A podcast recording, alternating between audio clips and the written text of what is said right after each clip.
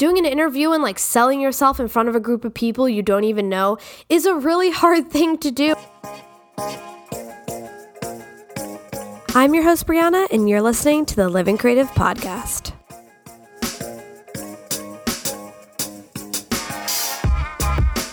Hey, what's up? How you doing, guys? Welcome back to the podcast created by Creative for Creatives. I am so excited that you are here for our part two of our job hunt series. If you haven't listened to part one, please pause this episode. You got to listen to it first. This one will make absolutely no sense. It is episode 35, season 2 is the first part of this. So make sure to listen to that. Once you're done, hop back onto this episode because everything will be a lot more clear for you. As always, just a really quick reminder before we jump headfirst into our main topic for today's episode.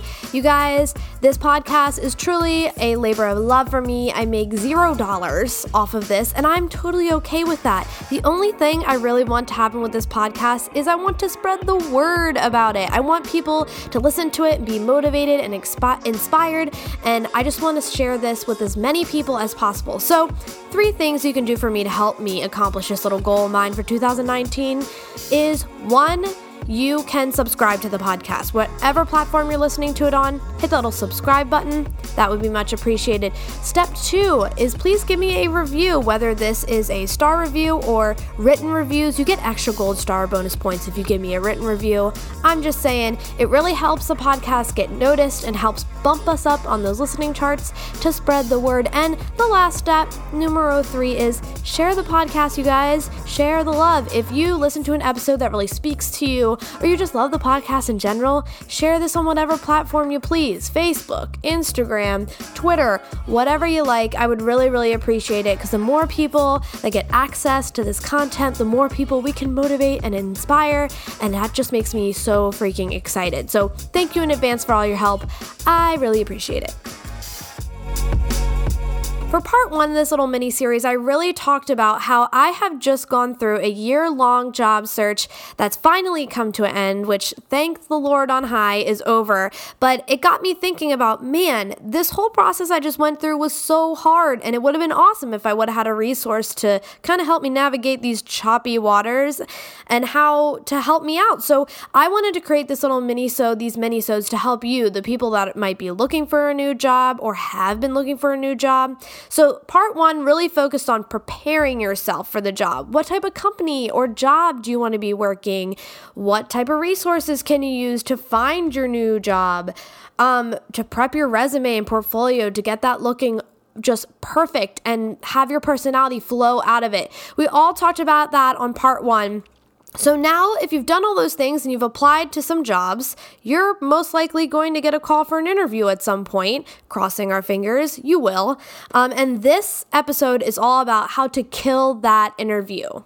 Now, I don't like to brag, you guys, but I am kind of a people person. So, interviews, I love them. That's kind of where I shine, is where I'm able to really give it my all and show people not just the amazing work they're going to get out of me, but also just the really cool person I am. And um, I know not everyone's like this. Not everyone feels comfortable in an interview process, especially with that type of pressure kind of sitting on your shoulders. You get really nervous. And you know, whether you're super excited about the interview and ready to kill it, or whether you're really nervous and a little bit of an introvert about it, that's okay. All of these tips are going to help you no matter which type of person you are.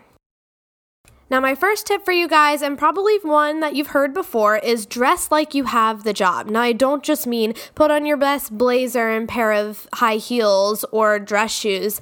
I mean, do some research on this company. If they are a Fortune 500 corporate company, you know they're going to be totally cool with a nice blazer or something like that. Or maybe you're applying to a smaller agency that has a little bit of a hipster vibe to it.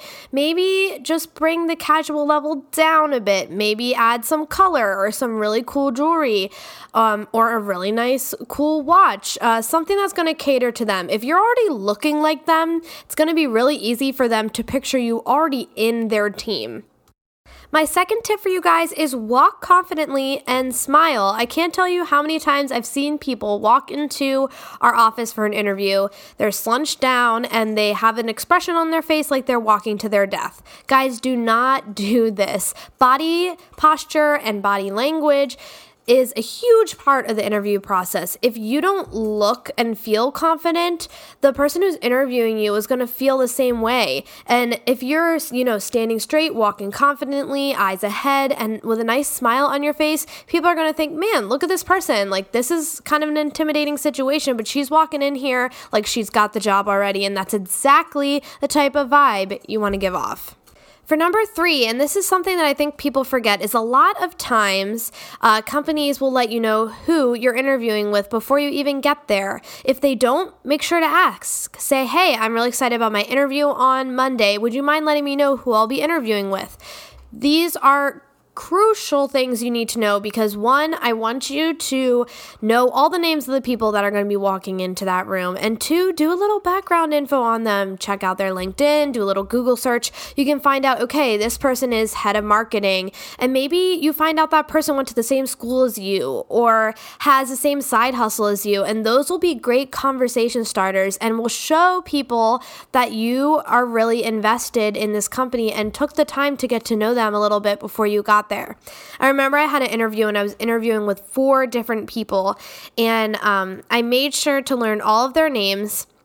So when I got to the interview, before they even walked in the room, they said, Hi, Brianna. And I said, Yes, hi, Mike. And it was really people were impressed by it that I already knew who they were. I put, was putting a name to the face, um, and I knew a little background info about it. So if something got a little weird, if there was a little lull in the conversation, I was able to bring something up. And trust me, it will impress the people that you're going to be interviewing with, and it's just a great thing. It shows initiative, which is what they're looking for. For tip number four, don't be on your phone. Now, I think this is common sense, obviously, when you are in the interview. Don't have your phone out. Put it away, put it in your bag, your purse, whatever you got, hide it, put it on silent. But also, when you're waiting, a lot of times there are times where you're having to sit out in the lobby and wait. Don't be on your phone either. I know it might feel weird, it might feel awkward, but trust me, if you're already on your phone sitting out in the lobby before the interview, sometimes that's going to make people think, hmm, what are they doing when they're going to be here? They're going to be on their phone all the time like that. So, really, just Put your phone away for that time, turn it on silent. If you've got an Apple Watch, put it on theater mode so it's not buzzing or going off during your interview. Um, this will also just keep you really focused and zoned in for your interview time. Now, tip number five for you guys, I think, is a really important one. Because uh, when you go in these interviews, if you're a creative, you're usually going to have to present your work at some point in time this is really important and they really look at you to see if this is kind of like a test. Can he or she talk about their work? Can he or she explain background information on their work, how they got to where they were, their process? This is really important and it shows shows off your great communication skills. So, before you even go to your interview, kind of do a little rehearsal.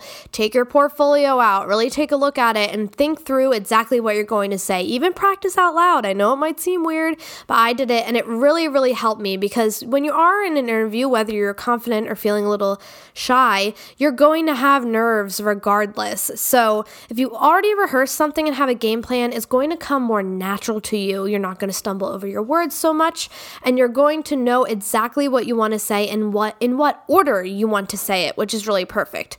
Also, another great thing, I think, especially when you know you're going to be showing your portfolio, is sometimes your time with these people is cut short due to scheduling or, or, whatever the case may be. But it's really good to know okay, hey, if my time's cut short and I've only got 10 minutes to show him projects, I want to show him these three projects. These are my top three.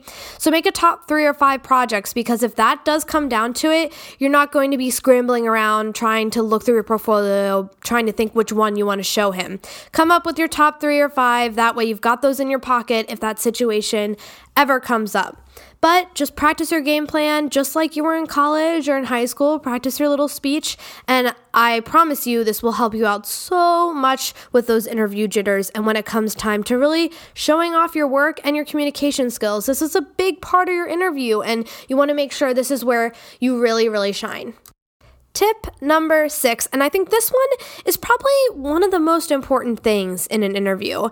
Recently, when I went on a job interview, I remember being close to the end, and the person interviewing me said, You know, I really haven't interviewed many people like you. And I kind of chuckled and said, Thank you, but then also said, I hope that's a good thing, because I wasn't really sure what he meant by that. And then he said, You know, you really are just a go getter. I can tell you have this great, like bright personality and you have so much energy. And I haven't seen that a lot in creatives. And I never thought about that before interviewing. Like, hey, make sure your personality shows a little bit. At the end of the day, if you get this job, these people are going to see your personality because you're going to be with them every day of the work week. So let that come out in your interview. If you're a little bit of a jokester, joke around a little bit in a good way. If if you are full of energy and life, show that too. Trust me, people love to see who you are not just as a creative, but as a person. And it's it's going to really help you just bring yourself to the top when it comes to that interview process. So really just let your personality shine through. Now, for number seven, I know I just talked about let your personality shine through, you know, like let that come out, but also be humble. I think this is a really really great tip to have when interviewing. You know, it is really great to show all of the things. If you've won awards or you've really accomplished a lot of things in your career, it is totally okay to show that and brag a little bit about it, but do it humbly um, because that's really going to play a really important part, especially if you're interviewing for a job in which you're going to need to work on a team. This is really going to show the interviewers that, hey, this person's accomplished a lot, but they're really humble about it. And that's a really good sign for when it comes to working in a team setting that they they're able to kind of put their ego aside, which in the creative world, I think ego is a huge huge thing that we come in contact with. So just remember that be humble, but don't be afraid to show all the accomplishments because, hey, you worked hard for it, and um, all those things are going to help you stand out. And last but not least, because this is probably one of the most important things, tip number eight is always leave your card at the end of the day. Uh, to every interview I've ever gone to, I always bring a ton of cards. I also bring extra resumes because, I mean, nine times out of 10, they'll have it printed out for themselves before you get there. But it's always nice to just have that extra resume there, especially in color on nice paper, to give to them to leave behind if they want it. Um, because my resume is actually very colorful, and I've seen a lot of times uh, people print it out on their printer and it looks totally different. If they print it out in color, it looks kind of gross, and or they'll print it out in black and white. And it's always nice to say, "Oh, he, hey, here's an original resume," so they can see it in its like full glory, um, which is really great. So business cards, resumes, always bring extras to leave behind, and of course, thank you notes. Now, I mean, I know a lot of people are saying these thank you notes are kind of a thing of the past and a little annoying. Um, but I think they're still important. What I think you shouldn't do with thank you notes is literally an hour after you leave the interview, send the thank you note. I think that's a little bit too too soon. You've just met this person, you've just interviewed, you've left a great impression if you've followed all of these great tips. Um, so they're going to remember you. So here's my little scale to give you to when to send your thank you note. If you've interviewed in the morning, um, then send your thank you note at the end of the day around 4:35 before the workday is over, so they'll still see it. And if not, they'll see it first thing in the morning. If you interview at the end of the day, the work day, make sure that the thank you email is in their inbox when they get to work the next morning. This is a perfect strategy because as soon as they open, like that's the first thing people do when they go to work, they open their email and check it. So they're definitely going to see it. It's not going to get lost in the shuffle of the day. Keep these thank you notes short and sweet. Put a little personality into them as well. Um, if there was something that you kind of took away from the interview, make sure to kind of, you know, sneak that in. I know my one interview, uh, the girl I interviewed with loved the show The Bachelor, which I love as well. So when I in my thank you note, I put that little so happy to have met another Bachelor fan in the city. Um, just an, another personalization just to show like, hey, I was paying attention during that interview and I was listening. That'll really, really go a long way. Keep it short, keep it sweet. Um, I know sometimes people say, well, when I leave the interview, nobody gives me their contact info. This will happen, but please don't be afraid to reach out. You usually have an HR contact or some type of contact there. Uh, make sure to reach out to them and say, hey, I. I unfortunately didn't get their business card as I left. Would you mind giving me their email? Nine times out of the 10, they'll give it to you. Um, and don't be offended if these people don't respond to your thank you notes. I know a lot of companies really don't like people to respond. Um, I'm not sure why. I'm sure there's some legal reason why. Um, but I know a lot of places don't respond, and, and that's okay too. Please don't take that as a, oh, I didn't get the job. They didn't respond to the thank you note. Um, so just make sure, you know, short and sweet, add a little personal touch to it, um, and send them at the appropriate time. So thank you notes, leaving your resume, and leaving business cards for sure. These are all three great tips to leave your interview on a solid, solid note. All right, you guys, those are my top eight tips for killing your interview. I guarantee if you follow those, that um, even if you don't get the job at the end of the day, you're gonna walk out of that interview feeling confident about what you just did. Even if you don't get the job, be freaking proud of yourself, you guys. Doing an interview and like selling yourself in front of a group of people you don't even know is a really hard thing to do, and the fact that you're able to do it and do it well is an accomplishment in it in itself. So honestly, slow clapping for you right now. Just follow these eight steps, and you'll definitely feel a little bit more confident walking out of that interview. Like I said in part one of this little episode series, if you have questions or need some advice on interviewing or getting ready to interview, please feel free to DM me on Instagram at the Living Creative Podcast. I would be so happy to contact you, talk with you, maybe share a little bit of my story to help you be better prepared for your next interview or job search. So go out there, you guys, with the confidence and kill that interview. And until next time, keep living creative.